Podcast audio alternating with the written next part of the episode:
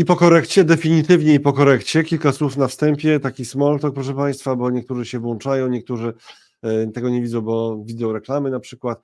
Są tacy, którzy oglądają e, już po live. Witamy też bardzo, bardzo serdecznie. Analizy live. Rafał Bogusławski, Robert Stanilewicz. Czy to koniec korekty definitywny, te ostatnie wzrosty, może tylko pułapka hossy, czyli taki wystrzał na wiwat, a potem znowu. Tutaj już komentarze się posypały, za chwilę do nich przejdziemy. Będziemy mówić o e, też o stymulacji chińskiej, tych nadziejach rynkowych że rząd e, w Pekinie, że komuniści w Chinach zrobią do, coś dobrego dla swojej gospodarki i już tym razem mi się uda. Będzie też o słynnej krzywej rentowności w USA, która wraca do normalnej krzywizny, że tak powiem, tylko wraca jakoś inaczej niż to bywało zwykle w takiej sytuacji. Wiele, a mówią, a mówią że najgroźniejsze słowo to jest, że tym razem będzie inaczej. No i jest inaczej, zupełnie no inaczej no to przebiega. No. Zupełnie inaczej jednak, tak? No tak. Nie, no zdecydowanie. Tam to, to jedna z, ciekawy temat. Jedna z sentencji, którą wygłosił jeden z gór takich gigantów inwestycyjnych kiedyś, kiedyś przed wielu laty, że inwestorom zawsze się wydaje, że żyją w wyjątkowych czasach. No i ty no. teraz ulegasz temu, tak? Że tobie się wydaje, że żyjesz w wyjątkowych czasach. Ja nawet powiem więcej, mi się nie wydaje.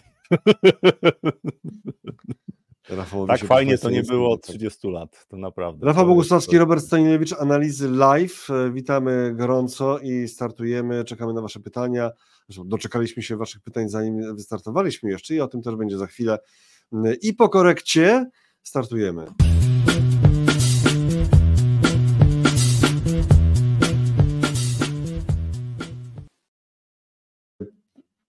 Petarda na WIG-20 w ostatnich dniach, 5% trzy sesje było, co będzie dzisiaj, to się okaże o godzinie 9 oczywiście i potem w kolejnych godzinach. Nie, nie, jestem, nie jesteśmy tak bardzo przywiązani do do tego indeksu, ale gdy się o warszawskiej giełdzie mówi, to się zwraca uwagę generalnie tak potocznie na ten indeks. Oczywiście niesłusznie puryści mogą powiedzieć, trzeba patrzeć na najszerszy indeks, albo może warto, bardziej wartościowe dla inwestorów są małe średnie spółki, MWIG, SWIG 80, one sobie z reguły radzą lepiej. WIG20 to taki indeks troszeczkę przetrącony przez nadmierny udział Skarbu Państwa, ale jest, jest. No jak? Przetrącony przez Skarb Państwa? Nie, przez udziały Skarbu Państwa w spółkach, tak? Przetrącony upaństwowiony za bardzo i procesy pewne biznesowe nie zawsze wyglądają tak, jak powinny wyglądać w spółkach zupełnie prywatnych. E, albo po prostu wyglądają tak, jak robi właściciel. Właściciel, właściciel właścicielem ma prawo sobie, czy właściciel, który ma kontrolę nad spółką, tak? Ma prawo robić, co tam sobie uważa. Oczywiście fajnie byłoby, gdyby jeszcze miał na uwadze interesy e, akcjonariuszy mniejszościowych, ale ten temat zostawiamy i generalnie jak to jest e, z tym i po korekcie, Rafale, a ja tutaj pokazuję wykres WIG-20 za ostatnie, za ostatnie 12 miesięcy, gdzie widać tą strzałę, te świeczki białe na końcu tego wykresu. No WIG20 to jest oczywiście kapitał zagraniczny, dlatego warto patrzeć na niego, bo e, tutaj napływ kapitału jest ewidentny. To się zbiegło z tym, że jest odreagowanie na rynkach akcji generalnie jest risk on. Może nie jakiś potężny, ale jest. I tutaj rynki wschodzące, tak rynki azjatyckie zachowują się całkiem nieźle w ostatnich dniach. WIG20 e, dwie sesje bardzo silnego wzrostu, czyli wczoraj i przedwczoraj. Banki rosną już w zasadzie od połowy ubiegłego tygodnia. To też warto zwrócić uwagę na to, że tam się wzrosty zaczęły wcześniej i ewidentnie to jest napływ kapitału. Co jest przyczyną? Pierwsze to jest oczywiście to, co się dzieje na świecie. Tak jak powiedziałem, risk, risk on i e, aktywa bardziej ryzykowne e, znalazły uznanie ponownie. Jak długo to potrwa, to jest otwarte pytanie. Osłabienie dolara, które w ostatnich dniach miało miejsce, też pomaga. E, no i tutaj e, na nasz rynek napływa kapitał. Zakładam, że inwestorzy zakładają, że opozycja ma większe szanse wygrać. To oznacza oczywiście większe szanse na KPO i patrząc na złotego też wydaje się, że ten scenariusz jest realizowany. Jak będzie, nikt nie wie. Natomiast zwróciłbym uwagę właśnie na siłę tych wzrostów, bo to jest ewidentnie taki kapitał mocno spekulacyjny i w każdej chwili może się zmienić podejście do naszego rynku. Ale teraz ktoś powie, zaraz, zaraz, jaka, jakie wybory, jaka opozycja, to co na całym świecie jest risk, risk on, czyli e, większa ochota na inwestowanie w bardziej ryzykowne rejony, indeksy, giełdy. E, z tego powodu, że w Polsce będą wybory i e, szanse się ważą, ale nie jest wykluczone przegranie obecnej ekipy? Znaczy, to jest dopalacz, znaczy ta informacja, znaczy to jest pretekst, bardzo dobry pretekst do tego, żeby wykorzystać to, co się dzieje na świecie.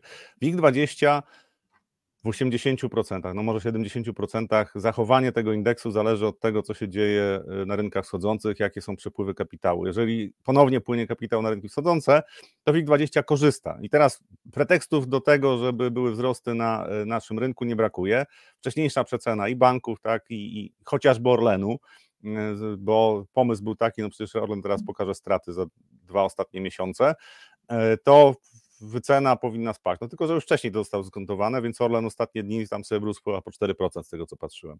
Y, I to, y, gdyby nie było risk on na świecie, to u nas tego wzrostu też by nie było. Znaczy sam po, pretekst do tego, że na przykład, nie wiem, tam ktoś stawia na to, że opozycja wygra wybory, będzie KPO, to jest za mało. Mamy napływ kapitału na rynki wschodzące, mamy napływ kapitału na bardziej ryzykowne aktywa.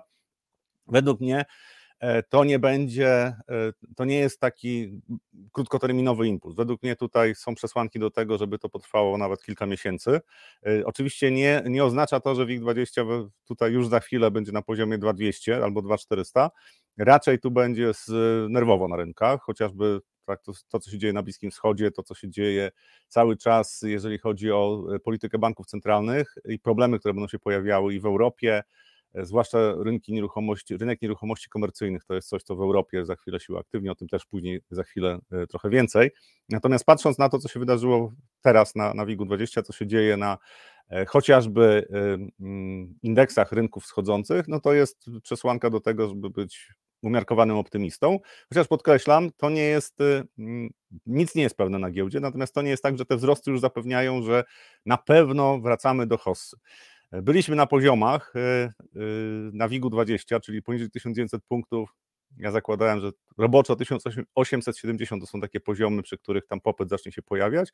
E, rynki y, WIG20 spadł do tych poziomów, pojawiło się trochę obaw związanych z tym, co dalej będzie z bankami. No jak widać, jak banki się ustabilizowały, to październik na bankach jest rewelacyjny. No to jest 10% wzrostu w październiku y, na WIG banki y, i to pokazuje, że ten napływ kapitału naprawdę jest mocny. No to, to z drugiej strony oczywiście nasz rynek nie jest zbyt płynny, więc tutaj nie, niedużo w porównaniu na przykład chociażby z giełdą niemiecką, to u nas nie potrzeba dużo kapitału, żeby poruszyć tym indeksem, w ogóle nie ma porównania do rynku amerykańskiego. Natomiast y, jak rosną rynki wschodzące, jak pojawia się skąd, to my się tak zachowujemy, jak się zachowujemy. Banki są pierwszym wyborem, bo to są płynne papiery i wtedy nikt nie patrzy na to, czy to są banki państwowe, czy to są, znaczy, czy są e, kontrolowane przez Skarb Państwa, po prostu kupują będą później się zastanawiali, co z tym dalej zrobić. Pomaga zdecydowanie też to, co się dzieje na dolarze, mm, czyli osłabienie dolara, niezbyt silne, ale jednak osłabienie. To jest taki oddech, który y, rynkom, rynkom schodzącym zazwyczaj pomaga. Mamy, mamy w tej chwili tego odzwierciedlenie. Ja jeszcze, pokazuję, ja jeszcze pokazuję WIG banki teraz po drodze. Tak, WIG banki, ja zakładam, że tam, ten wzrost będzie kontynuowany, tylko że e, to raczej nie będzie taki spokojny wzrost, znaczy dynamiczny i już e, WIG to the moon, tylko że tutaj pojawią się korekty, będzie nerwowo, ale w perspektywie powiedzmy dwóch miesięcy spodziewam się, że WIG20 pokona 2000 punktów. Widziałem, doktor Szum już nam napisał, że 2000 e, punktów jak magnes WIG20 przyciąga. No coś w tym jest. Tak? No, Doktorze Szumie, dobrze jakbyś, dobrze jakbyś napisał, że 3000 przyciąga w końcu kiedyś, tak? a nie ciągle te 2000. I twoje, i tak, w jedną i w drugą stronę właśnie tutaj 2000 punktów działa jak magnes, jak zawsze i dalej napisał też doktor Szum WIG 2000, nie WIG 20, tylko WIG 2000. To ładne, tak, rzeczywiście. WIG 2000, uuu, tak. to mocne, to takiej prognozy to, bym nie postawił. Nie, że, że, mhm. nazwa indeksu WIG 2000, nie, nie WIG A, 20. tak, w tym myślałem, sensie, no, że, WIG 2000. Myślałem, że WIG 2000 i mówię, uuu, to ja pamiętam. Kiedy to było? No, daleko tak całkiem. Jak się giełda, chodzi jak, o... się giełda, jak się giełda otwierała, znaczy jak zaczynała, to tam po, po pierwszej fali hossy WIG miał 2000 punktów. No właśnie, dlatego to jest międzypokoleniowy indeks, każdy może kupić go tanio. Każde pokolenie kolejne na giełdzie można go kupić na, na poziomie punktów. Ała, nie w szczepionkę. Śmiech, śmiech przez łzy. E, słuchajcie, teraz kilka komentarzy od Was e, i jedziemy z nimi. E, jeszcze przed startem, o, godzinę przed startem Zachary już pisał, pozdrawiamy, jak tam pogoda na pewnej pięknej wyspie. E, wspomniana Deus Ex Machina, to jest leitmotiv ostatnio od e, Zacharego, pojawia się znikąd i odwraca zakleszczoną akcję. Tak, no, debatowaliśmy nad tym, jak ten Deus Ex Machina, w jakiej sytuacji się pojawia, po, powinien pojawiać, e, bo Zachary pisa, pytał regularnie od jakiegoś czasu, czy Rafał przewiduje pojawienie się Deus Ex Machina, tylko że jak można przewidzieć pojawienie się takiego zjawiska. No dobra, od 7 października rynki są wyraźnie wzrostowe we wszystkich klasach aktywów, czy to przesunięcie kapitałów, uwolnienie kapitałów, czy zbieg okoliczności z wydarzeniami na Bliskim Wschodzie. Krótki komentarz na temat takiej wątpliwości jest wart wypowiedzenia. Rafale, jest wart wypowiedzenia? Tak, natomiast e, mhm. sytuacja jest dość ciekawa, bo e, wcześniej mieliśmy ruchy korekcyjne spadkowe i ceny obligacji spadały, ceny akcji też spadały i rynki przygotowały pole w ostatnim tygodniu, zwłaszcza ostatnie dwa tygodnie, to był taki okres, gdzie według mnie to widać było, że tam akcje kupują e, silniejsze ręce, czyli tacy inwestorzy, którzy są w stanie wytrzymać tam kilkuprocentowe jeszcze wahnięcia i zakładają, że pójdzie silniejsze odbicie.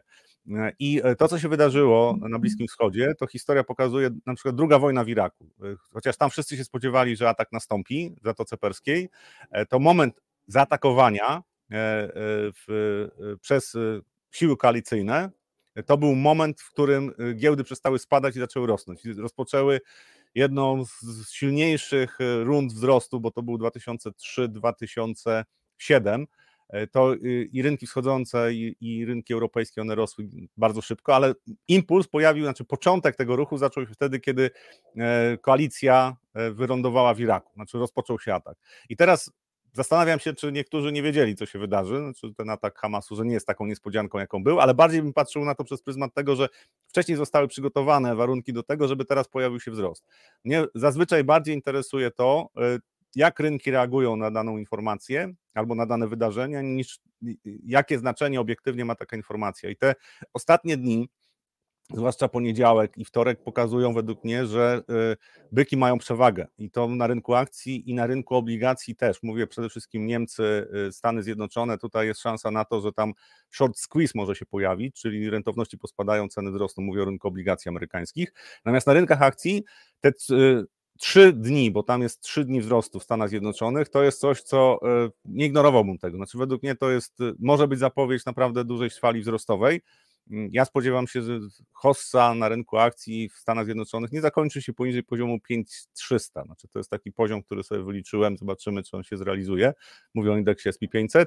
W tej chwili jesteśmy tam chyba 4400 tak, po tych wzrostach. E, I, i e, patrząc na, na to, co zrobiły byki w ostatnim czasie, to bym obserwował, co się wydarzy w ciągu najbliższych dwóch tygodni. Bo e, teraz po szybkich wzrostach jakaś korekta może się pojawić, natomiast jak nie będzie zbyt głęboka i w kolejnych dniach będą e, byki dominowały, pomimo wszystkich zagrożeń, które są na świecie, no to znaczy, że e, zostały zakumulowane akcje, wystarczająco dużo tych akcji zostało zakumulowanych przez te silniejsze ręce i tam trend wzrostowy może być zaskakująco mocny. Jeżeli dolar, to też jest mój scenariusz, e, nie będzie na najbliższe tygodnie, nie będzie się umacniał, to też rynki wschodzące mogą mieć kolejne swoje 5 minut, które może potrwać kilka tygodni, a być może 2-3 miesiące to, co się dzieje w Chinach, teraz kolejne zapowiedzi stymulacji fiskalnej, to też jest coś, co nie przeszkadza. Znaczy, pojawiło się to w dobrym momencie e, i e, chociażby po zachowaniu indeksu, indeksów akcyjnych w Chinach, chociażby Hang Seng, tak, Hongkong to dość dobrze odzwierciedla nastroje inwestorów zagranicznych, to, to ewidentnie tam ostatnie dni to jest poprawa nastrojów. Więc do tego za chwilę, za chwilę do tego przejdziemy, e, ale jeszcze pytania do Hongkongu też oddzielnie. E, cały czas pytanie, czy to po korekcie już definitywnie. Oczywiście wszystko się może zdarzyć, prawda, ale to jest wymiana opinii, waszych również. I za chwilę, a tu jeszcze Andrzej, dzień dobry było, Rozalia, dzień dobry wszystkim, witamy gorąco Rozalię, e, może trochę z poślizgiem. Ty tam masz podgląd jakiś na to, jak ta sesja się w Warszawie dzisiaj za, rozpocznie? Momencik. Mam. Mam, Masz, dobra, to tam, to dobrze, to e, jeszcze od Zacharego, e, a nie, tutaj e, wątek Właśnie, Kontrakt, kontrakty tutaj. terminowe są na zero praktycznie, więc WIG20 zakładam, że będzie początek na zero. E, potem może być trochę wzrostowo, a potem to zobaczymy, co zrobią Amerykanie. Jeszcze troszeczkę haseł od Zacharego, a najbardziej traci soja. Rentowność 10-latek amerykańskich. Egzystuje Merval i ATEX oraz prawie wszystkie ETF-y. Już e, nie zanucam. Merval, czyli, czyli Ar, Argentyna. Argentyna. Argentyna. indeks akcji w Argentynie. Mhm. Atex? Atex to Ateny. Ateny, właśnie, no, wolałem się dopytać. Rzadko mówimy o giełdzie w Atenach, więc nie, Chociaż to był całkiem, całkiem dobra inwestycja, ale przez fundusze ciężko było wybrać sobie taką e, Tak. inwestycję. W zasadzie jak, e, najmocniej, jeszcze od Zacharego, w zasadzie najmocniej handlowane surowce rolne są już po, kor, e, po korektach. Zwróć uwagę na cukier. Ten jeszcze trzyma cenę i jest w górnych rejestrach. Tu Piotr odpowiada Zacharemu, czyli taki surowcowy wątek, e, surow, jeżeli chodzi o surowce rolne. Ale Paweł, witamy Pawła. Chyba czas sprzedawać, skoro wszyscy już tylko Hosanna. No nie wiem, czy tak wszyscy, bo tam zdania są podzielone jak zwykle, natomiast e, pesymizm e, w ubiegłym tygodniu był zdecydowanie większy. Też komentarze chociażby na naszym live w poniedziałek Mhm. były e, mało optymistyczne. Tam czytałem, tak niektórzy widzowie mówili, że teraz to już tylko spadki i w ogóle tam e, bardzo e, ryzykowne jest inwestowanie, a generalnie sytuacja się w polityce tak pogorszyła, że to już tylko spadki. No i rynki pokazują, że to nie jest tak oczywiste. Zresztą na rynkach nigdy nic nie jest oczywiste. Ja patrzę w miarę optymistycznie, natomiast takim e, super bykiem to z założenia nie jestem. Znaczy nie jest tak, że ja ciągle e, zakładam, że to już jest e, hossa pokoleniowo naszej giełdzie. No jeszcze, jeszcze sporo się może wydarzyć. 17 setnych na WIG-20 na plusie na starcie, czyli O, taki potężny płaski ruch. start. Po, potężny, potężny ruch.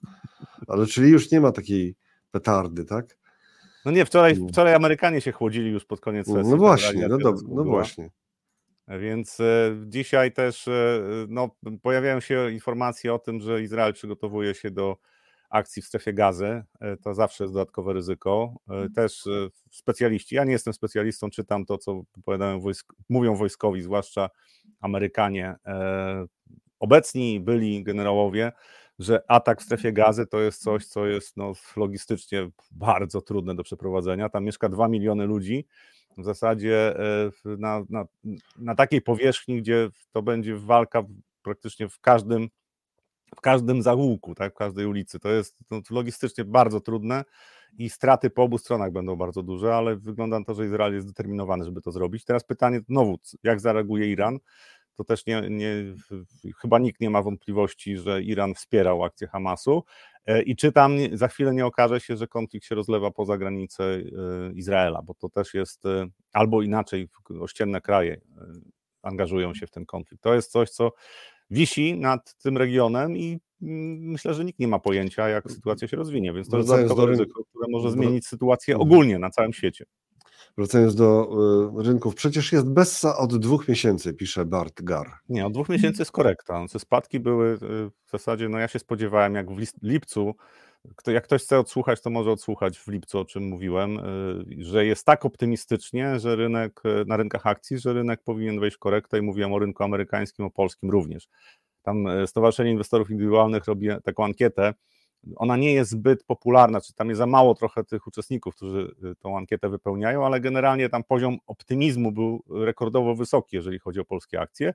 No i zaczęliśmy korektę. Sierpień, wrzesień, dwa miesiące korekty.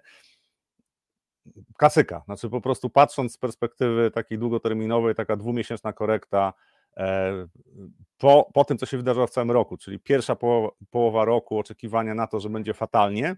W czerwcu kapitulacja by, y, niedźwiedzi, czyli w Stanach Zjednoczonych y, duże banki inwestycyjne po prostu wszyscy zmieniali e, poziomy docelowe dla SP500, y, na początku roku zakładali, że tam będzie poniżej 4000 punktów albo 3900, 3800 i tak dalej. E, I jak już skapitulowała większość, to wtedy okazało się, no, że sierpień, wrzesień jest źle. No, na naszym rynku tutaj jeszcze kilka innych czynników się pojawiło, ale też nam zaszkodził dolar. I to nie, nie zakładałem też, że, że dolar, w, zresztą pokazywałem, tak, że dolar prawdopodobnie zacznie się umacniać. Teraz sytuacja jest odwrotna, to znaczy ten optymizm na rynkach wcale nie jest tak wysoki. Znaczy patrząc na, na to, jak są spozycjonowani inwestorzy, to aż tak optymistycznie nie jest, żeby te y, wzrosty nie mogły być kontynuowane. A to, co się wydarzyło przez te dwa miesiące, to nie jest na razie bessa, tylko to jest ruch korekcyjny. Znaczy tu, tu musi się to rozwinąć tak naprawdę w kolejnych tygodniach, a w zasadzie miesiącach, żebyśmy mogli powiedzieć, tak, to jest bessa, rynki skapitulowały. Na razie wygląda na to, że według mnie e, po prostu zakończyliśmy korektę i w Stanach, i w, w Polsce. Wcześniej mówiłeś o tym, że ty tam słuchasz tych e, byłych generałów. Uważaj ze słowami, bo byli generałowie to jest temat bardzo, e, bardzo gorący, śliski. Tak, Amerykański. e, w po, akurat w tym momencie. Dobrze, amerykańskich, amerykańskich powiedziałeś, byli generałowie. Wiesz, kto, komuś to mogło zostać w uchu. Mm, teraz tak, jeszcze od waszy, z waszych komentarzy. Paweł Kapisał, teraz to będzie inaczej, to samo mówili od 150 lat. Zachary no, pyta, dopytuje w takim razie, na pana portalu wisi informacja, żeby sprzedawać. To jesteśmy chyba niepełno sprytni, bo nie wiemy, jaki to portal Pawła K. Trzeba wszcząć, Rafale, jakieś poszukiwania, chyba że nam Paweł K. coś e, podsunie, jakiś trop, ale widzę, że tu trochę, Zachary... Trochę za mało danych chyba, Paweł K. Ale widzisz, ale to wygląda tak, jakby Zachary wiedział, jaki to jest portal. A Zachary to wie tyle rzeczy, że ja po prostu No, no podziwiam. właśnie, oczywiście, tak, dobrze. E, e, za co Paweł odpowiada, nie, będzie do grudnia, tylko nawiązuje, że jak już wszyscy zawołali do góry, to jest jak w tej legendzie taksówkarza i pucybuta. Pucybutów mamy niewielu w Polsce chyba, to jest takie raczej zajęcie incydentalne. A taksówkarze z kolei z taksówkarzami coraz rzadziej się rozmawia, tak swoją drogą. Coraz trudniej. Coraz rzadziej, tak, coraz trudniej się rozmawia, więc oni nie, chyba nie usłyszymy. To chyba nie jest już wskaźnik w tych czasach. Okej, okay, ale Paweł tutaj dodaje, ale stawiam do końca roku wyżej. No proszę, jednak, tak, mimo wszystko. Mhm. Znaczy, patrząc też na cykliczne takie zachowanie rynków, no to w październik, mówię o Stanach Zjednoczonych przede wszystkim, październik w roku przedwyborczym mm, to jest zazwyczaj dobry miesiąc, znaczy od połowy w zasadzie października, październik, listopad to jest całkiem niezły miesiąc. To też jest jakiś argument za tym, co, żeby do końca roku było, było ok. E, I ja zakładam, że po prostu jest wystarczająco dużo informacji e, złych, które zostały zdyskontowane, a będą pojawiały się niezłe, zwłaszcza jeżeli mówimy o gospodarce amerykańskiej, bo stopy procentowe naprawdę to nie jest ten czynnik, który musi y, od razu zakończyć hossę. Tak? Jak w zeszłym roku E, zaczęły się spadki na rynku akcji i słyszałem komentarze, przecież to oczywiste, jak rosną stopy procentowe rentowności obligacji, to zwłaszcza big techy muszą spadać albo high techy.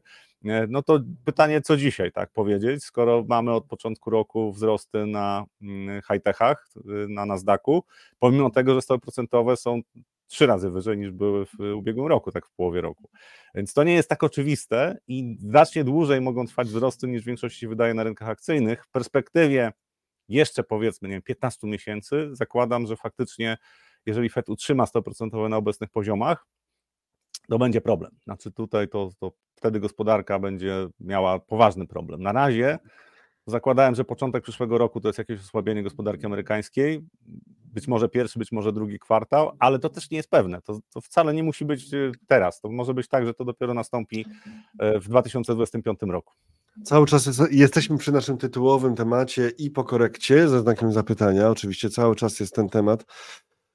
Giełda rośnie, pisze dziś jutro. Dolar słabnie, ewidentnie kapitał nas na, napływa.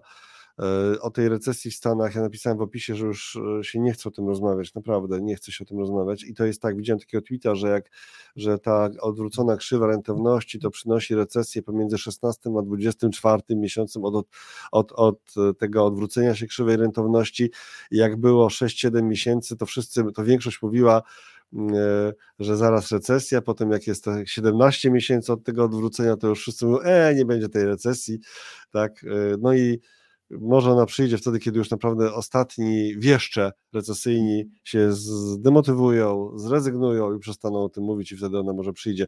No dobrze, ale tutaj jeszcze mm, dolar słabnie, więc jeszcze wrzucimy y, dolar złoty do tego, do tego naszego zestawu i rzeczywiście widzimy, jak się y, ostatnio w październiku złoty umocnił do dolara. Mamy osłabienie indeksu dolara na rynkach światowych, czyli dolar traci do większości walut, złoty na tym korzysta. E, też ten ostatni ruch e, na, na złotym był taki no, wymuszony trochę, to znaczy tam dodatkowo jeszcze jakieś e, było zamykanie krótkich pozycji. Teraz to, co się dzieje na złotym, no to te, też nam pomaga. Nawet wczoraj patrzyłem, rentowności obligacji dziesięcioletnich naszych pospadały, co też pokazuje, że tutaj płynie kapitał. Znaczy rynki wschodzące i cały czas my jesteśmy tak postrzegani, czyli takie rynki z podwyższonym ryzykiem, e, w przeciwieństwie do rynków rozwiniętych. Ja pomijam to, co się dzieje w ostatnich tygodniach, tak, bo tutaj e, znowu wracamy do sytuacji, kiedy obligacje, mniej więcej ceny obligacji w tym samym kierunku poruszają się co ceny mm, akcji e, na rynkach rozwiniętych, ale zakładam, że to przejściowe. Natomiast historycznie patrząc, no to najczęściej jest tak, że obligacje skarbowe zachowywały się inaczej niż akcje, na przykład w Stanach Zjednoczonych czy w krajach europejskich, pomijam Portugalię, Grecję, jak tam był kryzys się rodził w strefie euro. Natomiast jeżeli patrzymy na taki kraj jak Polska, to podobnie jak na przykład, nie wiem, Meksyk, Brazylia, jak płynie kapitał, to płynie i na rynek długu, i na rynek obligacji. I u nas mm, patrząc na ostatnie, ostatnie dwa, dwie sesje, ostatnie dwa dni, ten napływ kapitału jest, on się zaczął już w ubiegłym tygodniu. I tutaj tym sygnałem według mnie to było to, że zaczęły banki się umacniać. Relatywnie one zaczęły zachować się dobrze. Tam na WIG-20 jeszcze nie było widać tego w ubiegłym tygodniu. Natomiast widać było, i też o tym mówiłem w ubiegłym tygodniu, że e, reakcje e, waluty, czyli złotego, po e, i decyzji RPP i konferencji prezesa Glapińskiego pokazują, że raczej na razie to dominują niedźwiedzie, no, niedźwiedzie jeżeli chodzi o kurs dolar-złoty, tak? i euro-złoty, że tutaj byki które wierzą w złotego, będą mieli lepszy, lepszy czas. No i tak się realizuje. Pytanie, do jakich poziomów na przykład dolar złoty może mm, spaść. Zakładam, że 4,20 to już jest taki poziom, przy którym zacznie się pojawiać e, popyt na dolara, e, ale też może być taki scenariusz, że ja się mylę. To znaczy, może się okazać, że jeszcze jest jeden, jedna silna fala spadkowa na dolarze w ogóle na świecie, no i wtedy tutaj znowu poniżej 4 zł, to też jest możliwe, jeżeli mówimy o złotym. Także ja podkreślam, na rynkach kapitałowych, na rynkach finansowych nic nie jest oczywiste. To, o czym ja mówię, to są pewne prawdopodobieństwa. Ja zakładam, że co pewien czas pojawia się taka sytuacja na rynkach, nie zakładam, wiem, że tak jest, kiedy prawdopodobieństwo sukcesu, czyli zajęcia albo długiej, albo krótkiej pozycji jest trochę większe niż pozycje odwrotne. I jak patrząc z pozycji spekulanta, to jak wybiera takie momenty i trafia w 60% przypadków lub skontroluje ryzyko, to w dłuższym dystansie będzie zarabiał. Natomiast e, nigdy nie jest tak, że można powiedzieć, że na pewno coś się wydarzy, bo tak nie jest. Też ze kursem złotego. Tutaj też mogę alternatywne scenariusze przedstawić, na których za chwilę będzie kolejna fala paniki na e, dolar złoty, to znaczy dolar zacznie się gwałtownie umacniać i to też można uzasadnić makroekonomicznie tym, co się dzieje w Polsce, tylko pytanie po co. Na razie jest jak jest, patrzę na e, napływ kapitału na polski rynek, patrzę na napływ kapitału na rynki wschodzące, jest nieźle. Jak długo to potrwa? Według mnie potrwa kilka tygodni co najmniej, zakładam, że do końca roku, być może do stycznia, być może dłużej. Być może jest tak, że faktycznie jeszcze ta fala wzrostowa będzie na ryzykownych aktywach dużo większa niż ja zakładam. Słuchajcie, momencik, momencik, bo tutaj yy, wątki nam się różne plotą, ale cały czas, znaczy nie, nie, plotą to złe słowo, jeżeli jesteśmy na live na YouTubie, yy, ale jesteśmy cały czas przy temacie korekta, czy to koniec korekty. W tym momencie oczywiście sam trochę jestem rozdarty, że tak patrzę na ten WIG20 dzisiaj, ale w tym momencie wszystkie spółki WIG20, prawie wszystkie, Kenty tylko lekko spadają, e, ale na przykład Orlen zachowuje się bardzo spokojnie e, po takich mocnych wzrostach. Rafale, czy to, że po takich tych trzech sesjach bardzo mocno wzrostowych, e, ten indeks, o którym powiedziałeś, który ma całą masę wad i tę zaletę, że, że akurat jeżeli zagranica gdzieś wchodzi, to tam, bo tam są największe spółki, czy to, że on e, nie ma dzisiaj żadnego odreagowania, to coś oznacza? Tylko, że sobie nie, startuje bo... płasko i wiesz, i jest taki w swym składzie taki stabilny. No, większość zieleni, jedna spółka, na leciutkim minusie tylko. Znaczy to, co się wydarzyło teraz na rynkach światowych, no to sugerowało, że dzisiaj nie będzie jakiegoś na początku sesji jakiegoś silnego ruchu.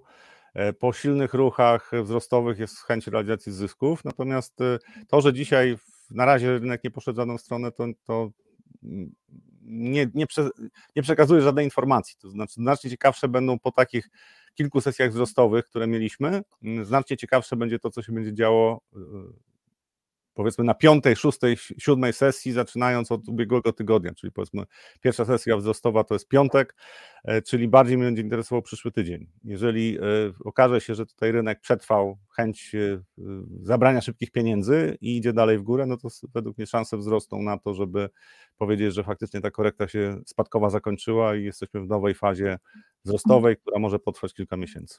E, oczywiście nie mówimy ani słowem e, teraz o czynniku wyborczym, czynniku politycznym. E, gorąco się niezwykle zrobiło. Kiedyś o tym mówiliśmy chyba, że nie wiem czy z tobą, że generalnie tak widać w historii, że wybory nie miały wielkiego wpływu na rynek. Co innego się liczyło i oczywiście też oczywiście ten system, globalny system naczyń, naczyń połączonych, ale nie wiemy, ale nie wiemy tego, czy tutaj nie będzie jakichś wstrząsów. No nie wiemy, tutaj zawsze jest dość duży poziom niepewności na rynkach, natomiast w ostatnim czasie też i działania banków centralnych zaskakiwały, i politycy zaskakiwali, tak zwana geopolityka, czyli to, co się dzieje na świecie, jeżeli chodzi o starcia pomiędzy różnymi krajami, czy, czy tak jak w przypadku Hamasu, tak, to, to, to jest mhm. ugrupowanie powiedzmy terrorystyczne, tak. Natomiast mhm. to jest coś, co, co warto brać pod uwagę. Znaczy tutaj te decyzje polityczne E, na świecie. To Chiny są dobrym przykładem ostatnie dwa lata, jak się zmieniło postrzeganie Chin właśnie. Ja pomijam konflikt ze Stanami Zjednoczonymi taki gospodarczy, bardziej kwestię tego, jakie oni zaczęli regulacje wprowadzać, co tam się dzieje mm, regulacyjnie. E, to, to zdecydowanie zmieniło postrzeganie Chin jako, jako rynku. I, i problemy okay, do Chin to jedno, a drugie to jest to, co tam mhm. się dzieje mm, politycznie. I warto o tym pamiętać, że ten świat nie jest w tej chwili stabilnym miejscem, natomiast zarabianie pieniędzy cały czas jest możliwe oddzielnie o Chinach będzie. Tutaj y, tak y, Paweł pisał, y, ja tam widzę plus 0,79 na biegu 20. Też proszę tak. pamiętać o tym, już nie, ale, ale rzeczywiście jest teraz 0,69. O, 0,70. Proszę pamiętać, że jednak to ten moment, kiedy my mówimy i kiedy my widzimy, a kiedy wysłyszycie, to tam jest jakaś parę sekund opóźnienia, to się może zmienić oczywiście, tak, ale tak, sesja jest, zaczyna się przyzwoicie. Dla byków. Zobaczymy, co dalej, jak już Szafał mówił, dość sporo. Mm, to teraz do tego giełdowego zestawu przejdźmy na chwilę chociaż do tego, co dzieje się na najważniejszym rynku świata, czyli Stany, czyli Wall Street, czyli S&P 500. SP500 i trzy sesje wzrostowe, czy piątek, y, piątek, y, poniedziałek i wtorek. I tutaj wykres dwie mm, średnie kroczące. Czerwona, ta wyżej to jest 50-sesyjna, ta niżej to jest 200-sesyjna. E, średnie takie kroczące tworzy się w ten sposób, że bierze się 200 w przypadku 200 sesyjnych, 200 ostatnich sesji, tak? I, I liczy się średnią, w tym przypadku arytmetyczną.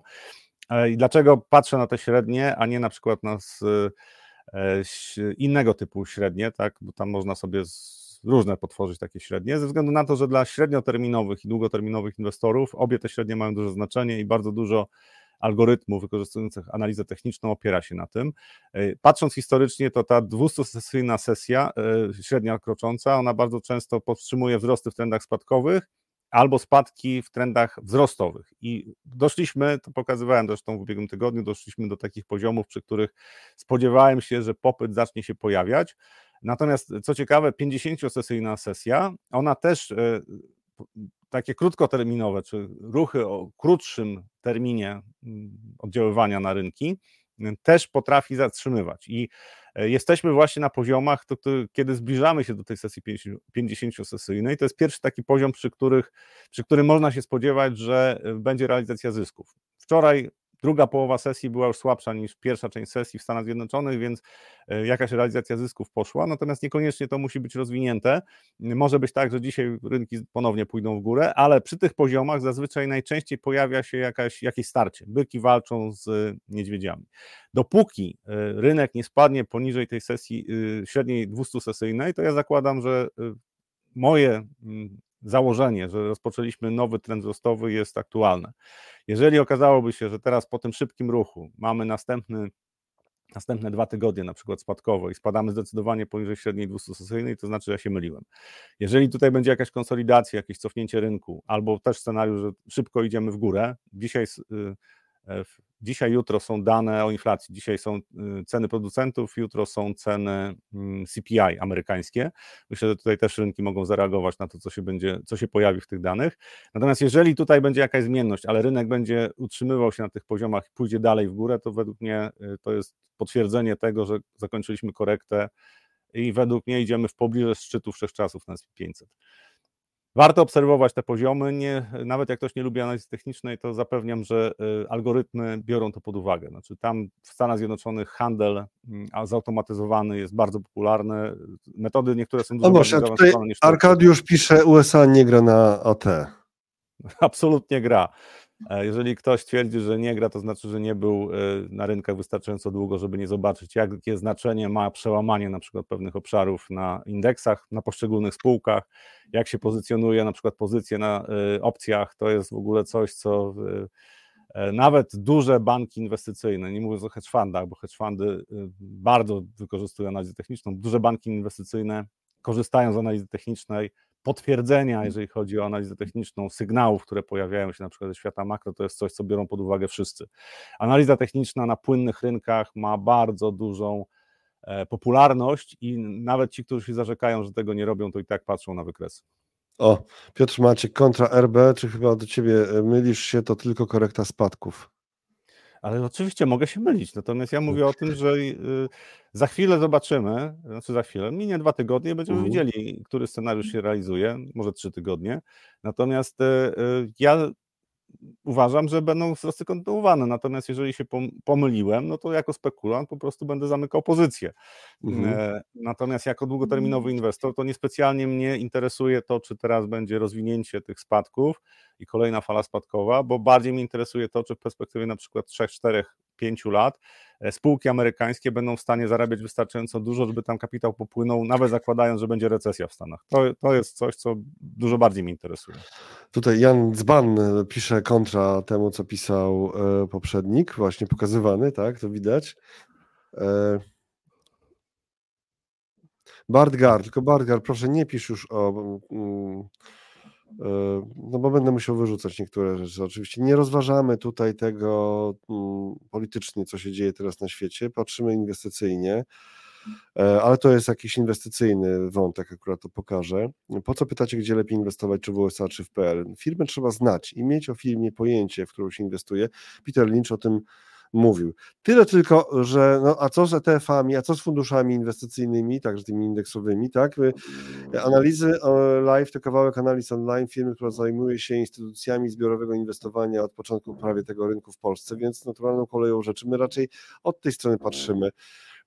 A no, cóż, no, rynek amerykański jest jednak tym najważniejszym rynkiem, więc nie mieć go zupełnie to raczej chyba byłoby dziwne. Ale jeżeli ktoś inwestuje w spółki, no to oczywiście to musi te spółki e, jakoś tam znać, no nie w ciemno, tak? Musi wiedzieć, co się w tych spółkach dzieje. Więc to tak ja, jakby różne ja, światy.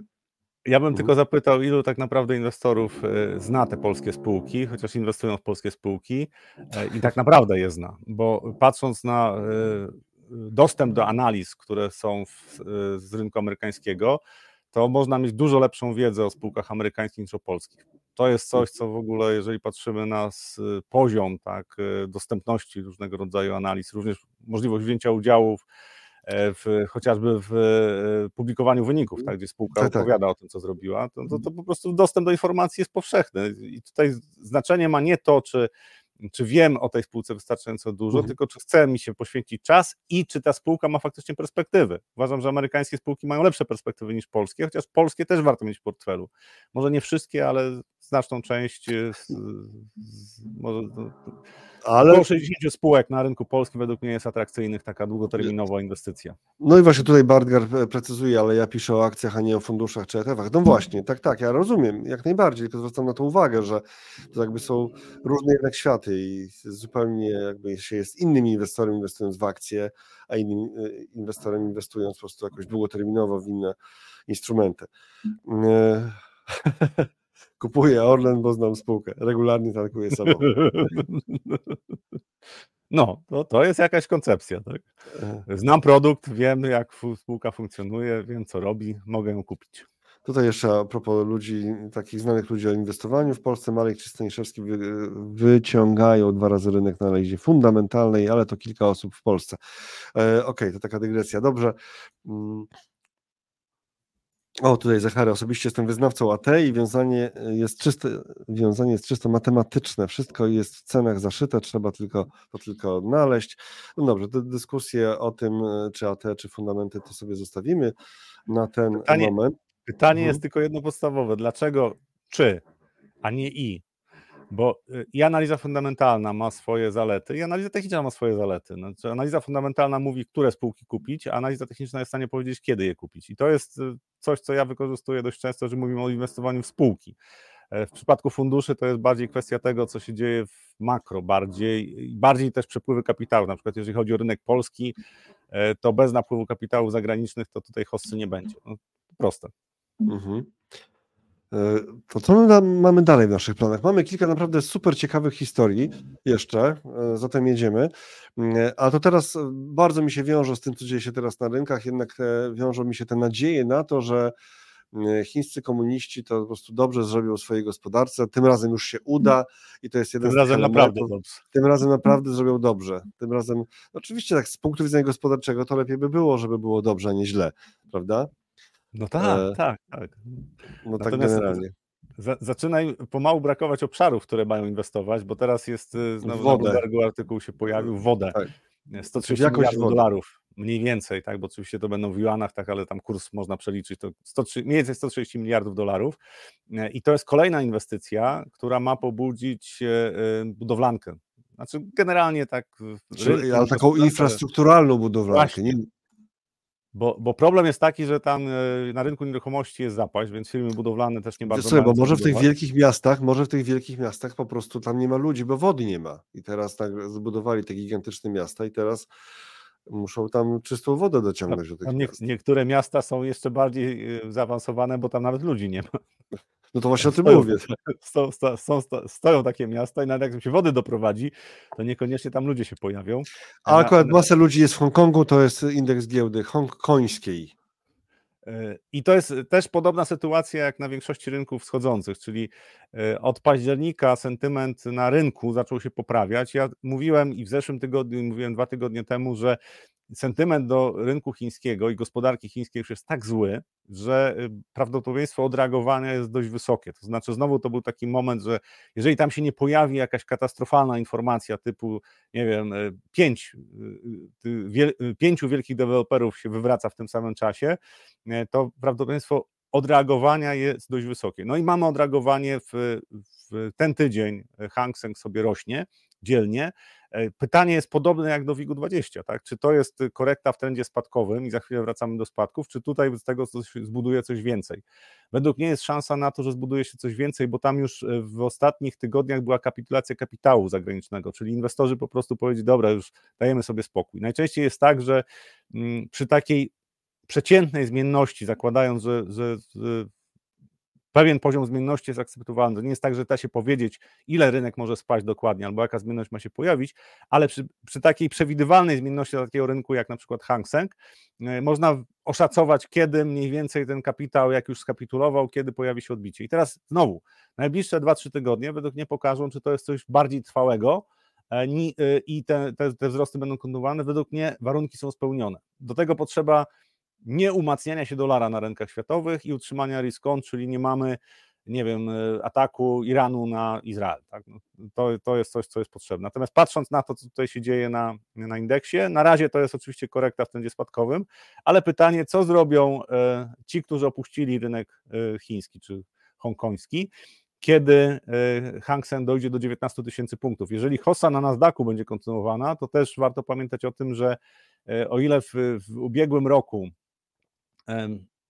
w ubiegłym roku, w tym roku, był, był w tym roku bardziej, tak, był rozjazd pomiędzy e, Hang Sengiem i Nasdaqiem, to warto pamiętać, że tam jest dużo spółek technologicznych chińskich notowanych na e, hongkongskiej giełdzie. Więc jak Nasdaq będzie szedł do góry, to z obecnych poziomów wycen, które mają spółki technologiczne w Chinach, to tam niewiele potrzeba, żeby y, tutaj 10% wzrostu zrobić w perspektywie następnych dwóch, trzech miesięcy. I y, później w dłuższej perspektywie ja zakładam, że rynek chiński nie jest specjalnie atrakcyjny, ryzyka polityczne będą przeważały. Krótkoterminowo według mnie e, warunki są spełnione, podobnie jak na WIG-20, do tego, żeby te wzrosty były kontynuowane przynajmniej do końca roku. No i tak e, tutaj nam Chiny wskoczyły, bo to jest taki kontekst giełdowy generalnie, prawda? Tak? E, to jest tym sensie, że one tak też mogą podbijać te nastroje. Ale e, teraz wracamy do tych fundamentów. Fundamentów, czyli słynnej krzywej rentowności, która już dawno zapowiedziała recesję, której de facto nie było. Tam coś tam jakieś osunięcie, ale to nie o to chodzi. No i teraz e, ona się wraca do normalnej krzywizny, tylko że wraca inaczej. Wytłumacz mi, o co w tym chodzi, że ona wraca, ale wraca inaczej. I w 2000 roku, jeżeli mówimy o, o y, y, rentownościach, które są porównywane, odejmowane od siebie, to są brane najczęściej obligacje dwuletnie, rentowności dwuletnich obligacji i dziesięcioletnich. I normalna, normalny układ krzywej rentowności jest taki, że rentowności 10-letnich obligacji są wyżej niż dwuletnie.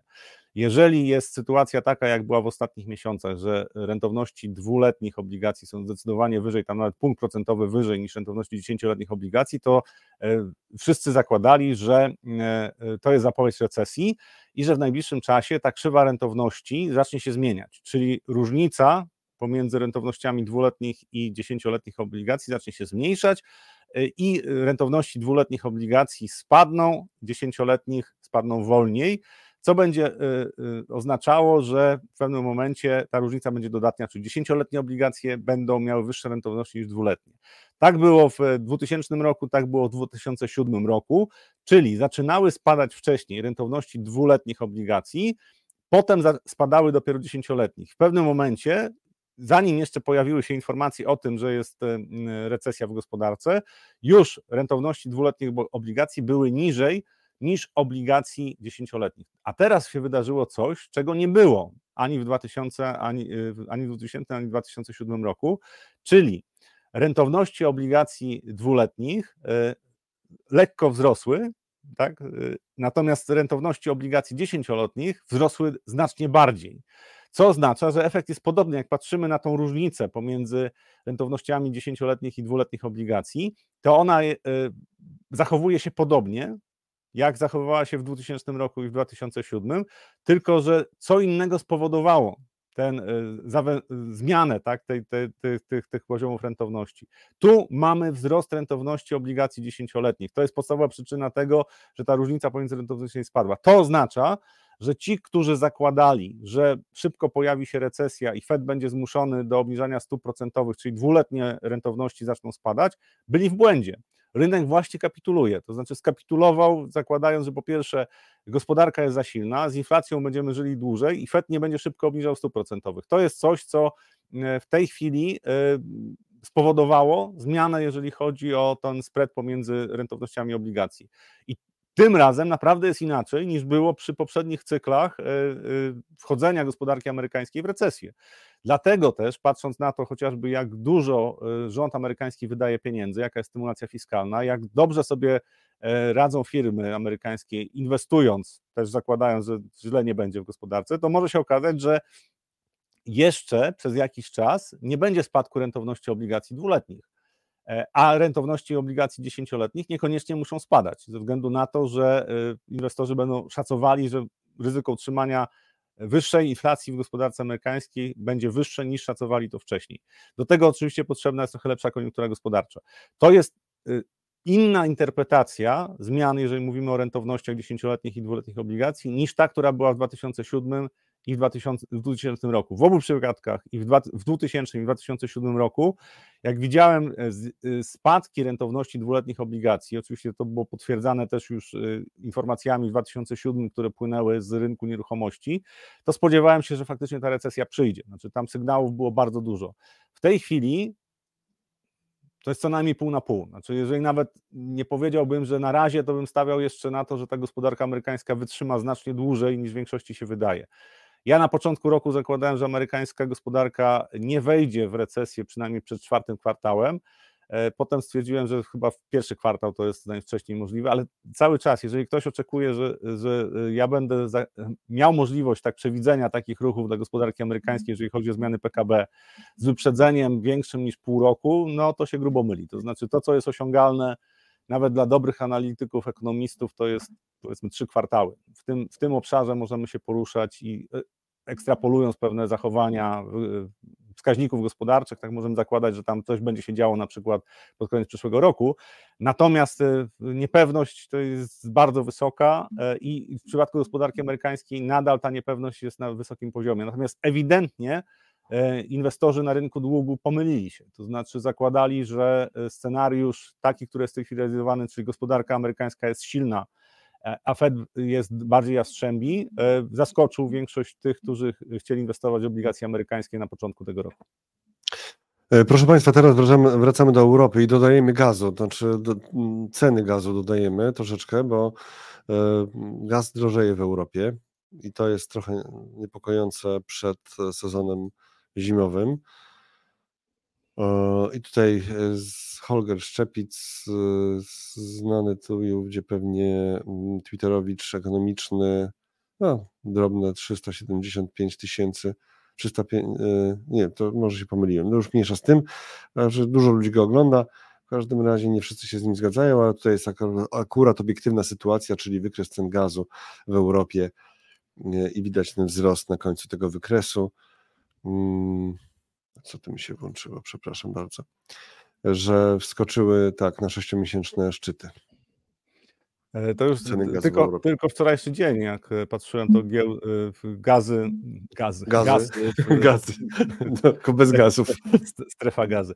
Nie, gaz, no nie, no już kontrakty, tak. kontrakty notowane w Rotterdamie, mhm. tak, Holandia, 12%, w Wielkiej Brytanii 10%, kontrakty na gaz. I to jest coś, co odzwierciedla obawy inwestorów, co się będzie działo z gazem, też który dostarczany jest z Egiptu, ale też e, ogólnie z Bliskiego Wschodu. Tak? Chevron podał informację, że tam e, wyłączył wydobycie gazu w Izraelu, dobrze pamiętam. Takie informacji kilka się pojawiło, natomiast warto zwrócić uwagę, że e, dla Stanów Zjednoczonych to jest dużo mniejsze zagrożenie, jeżeli coś będzie się działo na Bliskim Wschodzie, jeżeli chodzi o zabezpieczenie dostaw gazu, niż dla Europy.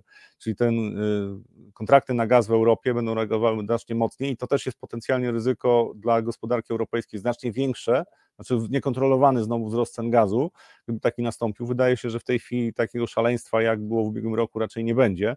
Natomiast gdyby się pojawiło takie, e, e, taki scenariusz, w którym te ceny gazu rosną wykładniczo, rosną, nie wiem, o 100% z obecnych poziomów, to to znowu to uderzy w tą słabą gospodarkę europejską znacznie mocniej niż gospodarkę amerykańską gospodarka amerykańska pewnie sobie poradzi, zresztą Stany Zjednoczone w ubiegłym roku y, rozładowały w znacznym stopniu kryzys y, w Europie energetyczny, bo wysłały wystarczająco dużo gazowców y, po to, żeby Europa miała jednak gaz, dostęp do gazu. E, w tym roku wydaje mi się, że nadal Stany Zjednoczone były w stanie coś takiego zrobić, e, natomiast zmienność na, na rynku paliw w ogóle według mnie będzie się utrzymywała e, w najbliższych tygodniach na wyższym poziomie. Znaczy to, to, to, co się dzieje na Bliskim Wschodzie, zawsze miało przełożenie na to, e, co się dzieje z rynkiem e, paliwowym, energetycznym. Ceny gazu warto obserwować, podkreślam, to jest problem, jeżeli te ceny gazu rosłyby dalej, to jest problem przede wszystkim dla Unii Europejskiej. Myślę, że Niemcy odczują to dotkliwie, to znaczy tutaj koszty miksu energetycznego zacznie się zmieniać na niekorzyść Niemiec e, i ich zabiegi z ostatnich miesięcy, żeby ustabilizować sytuację na rynku energetycznym, e, wtedy mogą spalić na panewce. Na razie to jest coś, co jest normalną reakcją rynkową na zagrożenia, które się pojawiają, jeżeli chodzi o dostawy z Afryki, z Bliskiego Wschodu gazu. E, warto to obserwować, bo to jest jeden z takich niepokojących scenariuszy, który może się zrealizować i byłby negatywny dla przede wszystkim akcji e, europejskich. Znaczy, to jest jedna z rzeczy, którą, którą brałem pod uwagę. Drugie to jest to, że e, wtedy prawdopodobnie osłabnie euro, czyli mój scenariusz taki w miarę optymistyczny, że słabnie dolar i przez chwilę euro ma e, stronę popytową silniejszą, też nie będzie realizowany, dla rynków wschodzących.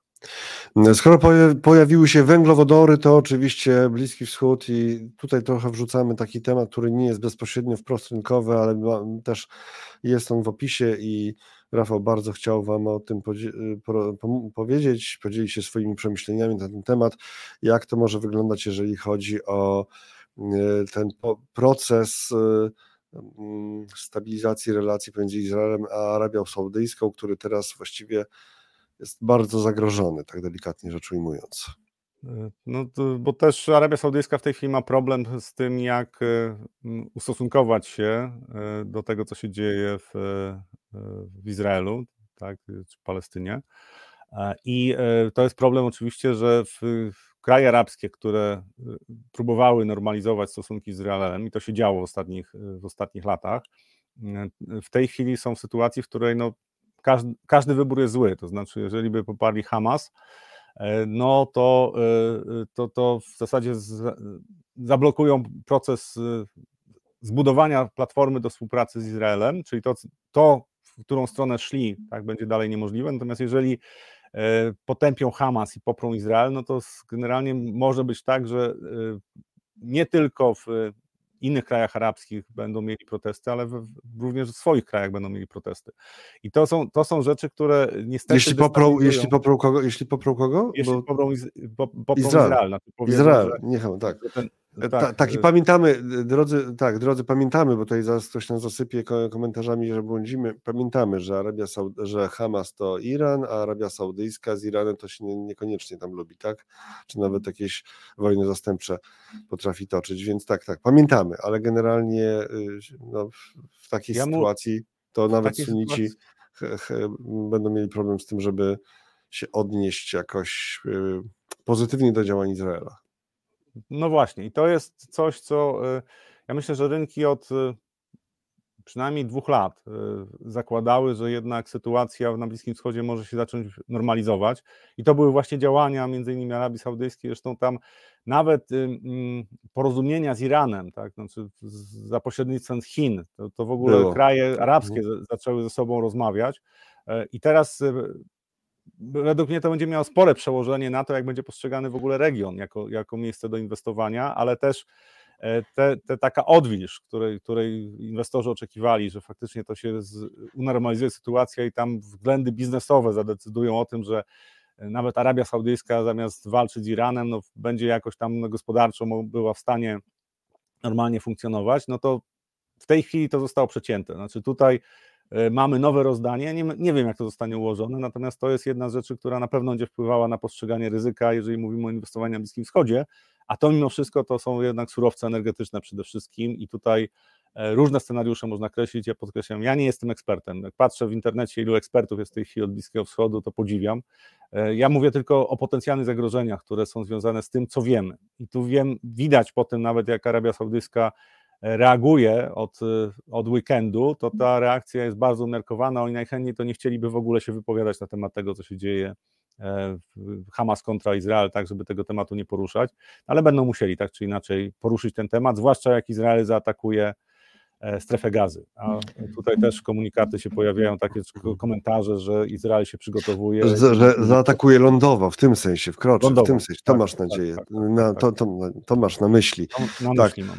Nadzieję Słuchajcie, nie, to raczej nie. To, tak, znaczy to było mm, od gazu przeszliśmy do sytuacji na Bliskim Wschodzie, takie proste skojarzenie oczywiście, wybaczcie, węglowodory, tam był gaz, tutaj jest sytuacja związana z Arabią Saudyjską w jakiś sposób, a teraz e, wracamy do Europy e, i do rynku nieruchomości, e, bo wygląda to coraz bardziej niepokojąco, tak, zwykle mówiliśmy o nieruchomościach w Chinach, oczywiście jest słynne historie deweloperów od tych dwóch lat, czy tam ilu, ale w Europie też się pod skórą coś tam dzieje. Też e, w live'ach chyba było na ten temat coś o tym właśnie, że e, były takie rozmowy, już nie pamiętam dokładnie z kim, że na przykład te fundusze nieruchomościowe w Europie, które bardzo często są funduszami otwartymi, czyli są podatne na e, odpływy bardzo, a, a mają w portfelach nieruchomości, które są przeceniane. Generalnie na świecie nieru- nieruchomości tanieją.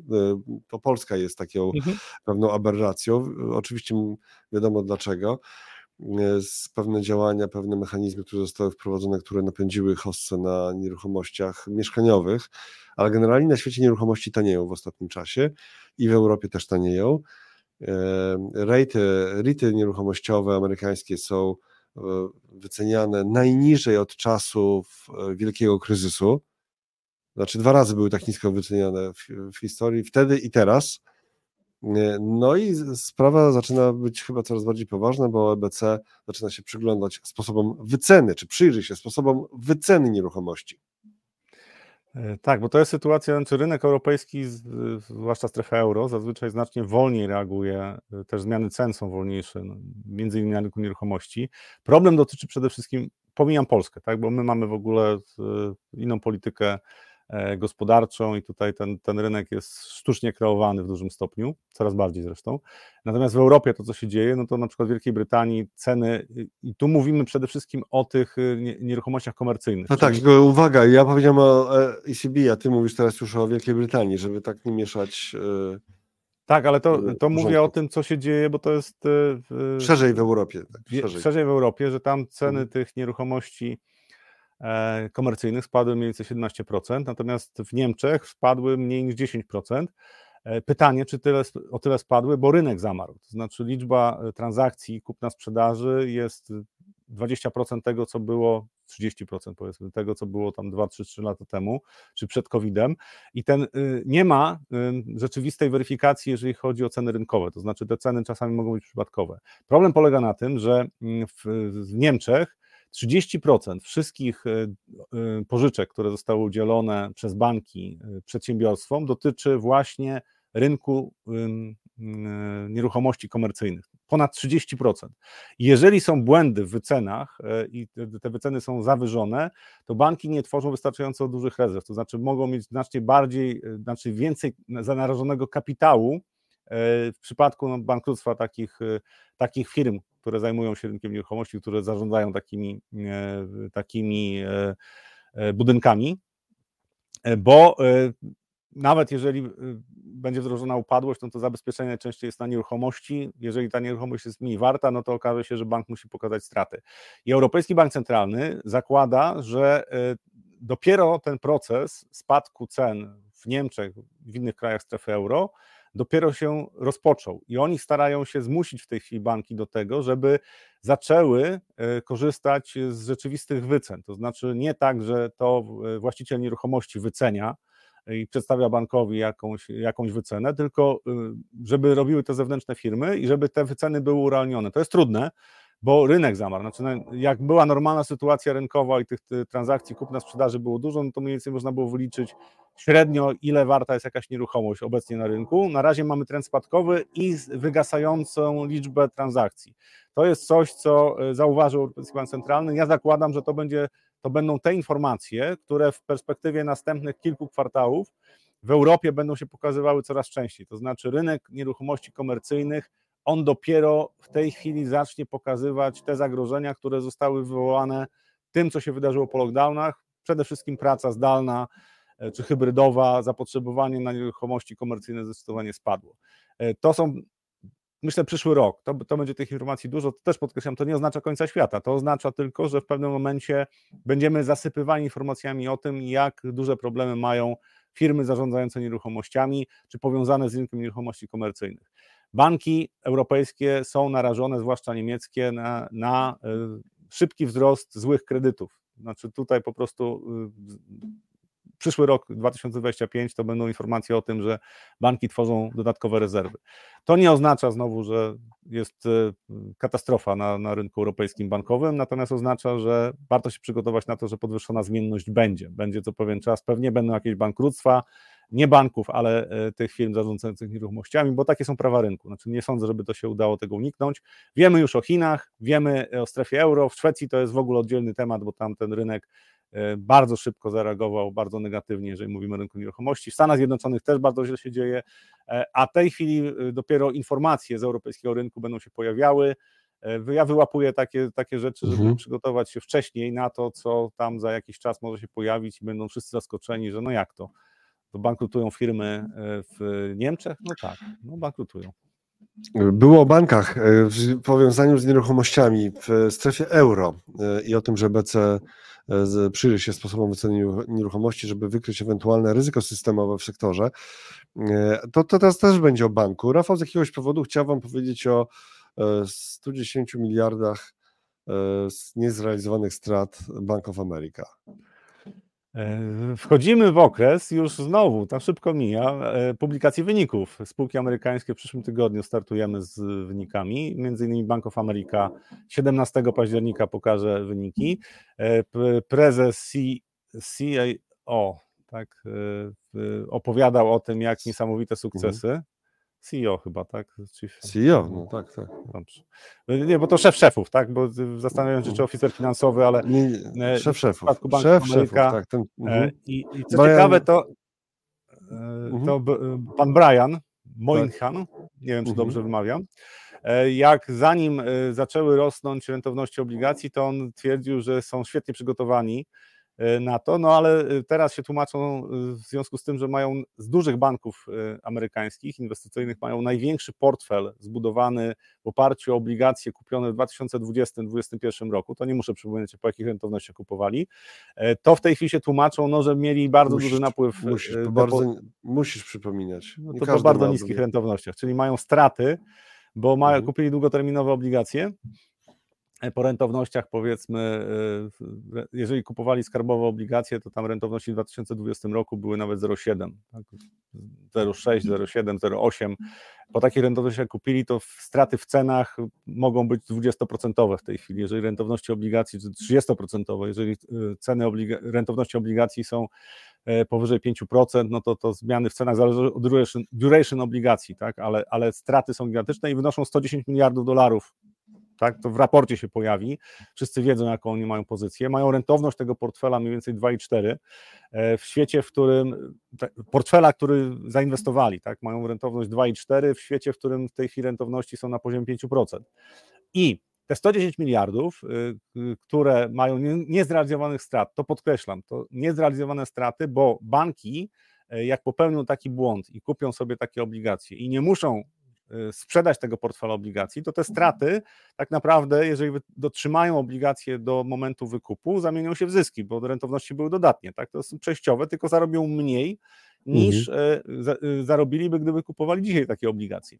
Natomiast y, bardzo ciekawe jest to, że błąd, który popełnili, to teraz zarząd banku przedstawia, że to w zasadzie no, oni musieli zarządzać jakąś tą płynnością, bo bardzo dużo depozytów napłynęło w 2020-2021 roku, bo helikoptermany, czyli rząd tam dał pieniądze ludziom, no to oni poszli z tymi pieniędzmi do banków, no i oni musieli jakoś tym zarządzać, więc ten bank, który się chwalił, że jest dobrze przygotowany, zachowuje się najsłabiej z dużych banków. JP Morgan zdecydowanie lepiej się zachował, szef Jamie, y, Jamie Dimon chyba, tak, JP Morgan, e, y, powiedział, że jego nie interesuje to, czy tam 10 pipsów y, wyższą rentowność czy niższą będzie miał.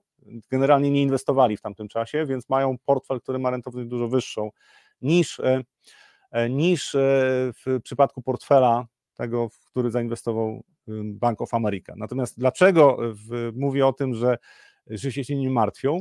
Bo to jest coś, co się wydarzyło po 2020 roku przede wszystkim. Wcześniej też już to było, ale w tej chwili to jest bardzo widoczne, że e, e, duże banki amerykańskie, na przykład e, Bank of America, średnio płaci za depozyty poniżej 2% ma portfel, który mu przynosi 2,4% rentowności, a depozyty 2%. Tak? Mają 3 biliony e, aktywów, więc e, te 110 miliardów to tak naprawdę, gdyby nawet musieli zrealizować, to je zrealizują. Natomiast banki komercy- y, regionalne, mniejsze, muszą płacić niemal stawki rynkowe. I to jest coś, co sprawia, że y, wcale się nie boję, podobnie jak zarząd Bank of America, oczywiście na cenie e, akcji Bank of America to się odbiło, zdecydowanie słabiej się zachowują w ostatnich miesiącach niż e, na przykład e, JP Morgan, akcje JP Morgana, natomiast w porównaniu z bankami regionalnymi, to one i tak są w rewelacyjnej sytuacji, czyli te duże banki mają w tej chwili znowu premię za to, że są duże. To jest coś, co sprawia, że jak patrzę na sektor banków regionalnych w Stanach Zjednoczonych, to E, spodziewam się w najbliższym czasie konsolidacji i e, myślę, że Bank of America pomimo tych niezrealizowanych strat będzie w stanie kupować kolejne banki regionalne i będzie konsolidacja branży, a ja podziwiam to, że właśnie mm, i 2008 pokazał i teraz to, co się wydarzyło po 2020 roku, że e, szefowie dużych banków inwestycyjnych amerykańskich. Zawsze mogą być w dobrym humorze, chociaż popełniają ewidentne błędy.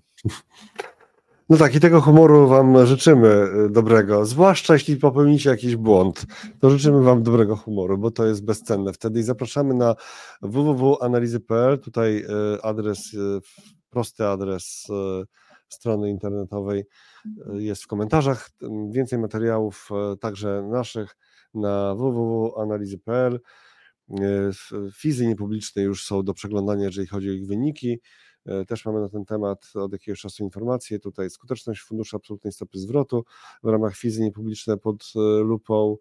Mm, na przykład, o właśnie, najlepsze konta oszczędnościowe. Gdyby ktoś dla części swoich aktywów e, szukał takiego miejsca, to, to mamy też rankingi dotyczące depozytów, kont oszczędnościowych, lokat i tak dalej. Czyli za, e, dziękujemy bardzo, zapraszamy na www.analizy.pl, dziękujemy bardzo, zapraszamy jutro do nas na 8.45. E, jeżeli ktoś nas ogląda e, już nie na żywo, to bardzo, bardzo gorąco prosimy o to, żeby zostawił komentarz pod filmem, choćby dla zasięgów. Nie będziemy ukrywać, tak? Nie ma co.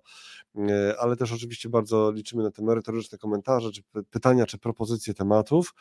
Staramy się nimi zajmować w miarę możliwości. Prosimy o łapki w górę na YouTubie, lajki na Facebooku, kto tam jeszcze na Facebooku Facebooku nas ogląda, bo tam się populacja zmniejszyła, większość chyba przeszło na YouTube'a. E, I to, w sumie to Adam Dudek na Facebooku jest, a na przykład tutaj e, pisze do nas do, jutra, tak, e, ale fajnie być na jednej, rzeczywiście na, na, jednym czacie, bo tutaj na tym czacie czat, słuchajcie, ma swoją odrębną wartość, oczywiście to nie jest tak, że gro widzów na czacie się udziela, zachęcamy do tego, żeby tutaj wpadać i pisać, też na Facebooku Marek, tak. Pozdrawiamy Facebookowicza. Oczywiście nic złego nie miałem na myśli, nic złego, tak. E, każdy patrzy. Uważaj, co mówisz. To, to, to, tak jak ja z generałami muszę uważać. Tak, tak. Mówią o amerykańskich. Amerykańskich, ale byłych, mówiłeś o byłych generałach, dlatego trzeba uważać. I ważna informacja, prawdopodobnie jutro to będzie nasz ostatni live przed wyborami. E, tak, zadziałało? Podniosłem zbudować napięcie. Mówię, o, o. Takie, jakieś niskie chwyty. Wiem, że to był niski chwyt. Niski chwyt. Jutro, y, przed, od, ostatni live przed wyborami i oczywiście mam nadzieję, że w poniedziałek się zobaczymy w pełnym składzie. Znaczy nie, nie, mamy to ciszę też, widzisz, widzisz, jaki to jest, tak, mamy, robimy sobie ciszę przedwyborczą i jaki to jest chwyt. Jak powiem teraz, mam nadzieję, że w poniedziałek spotkamy się w pełnym składzie, to od razu, skoro mam nadzieję, to znaczy, że jest jakieś zagrożenie dla tego, tak, dla tego planu, bo coś się... Nie, nie, żadnych takich, żadnych takich.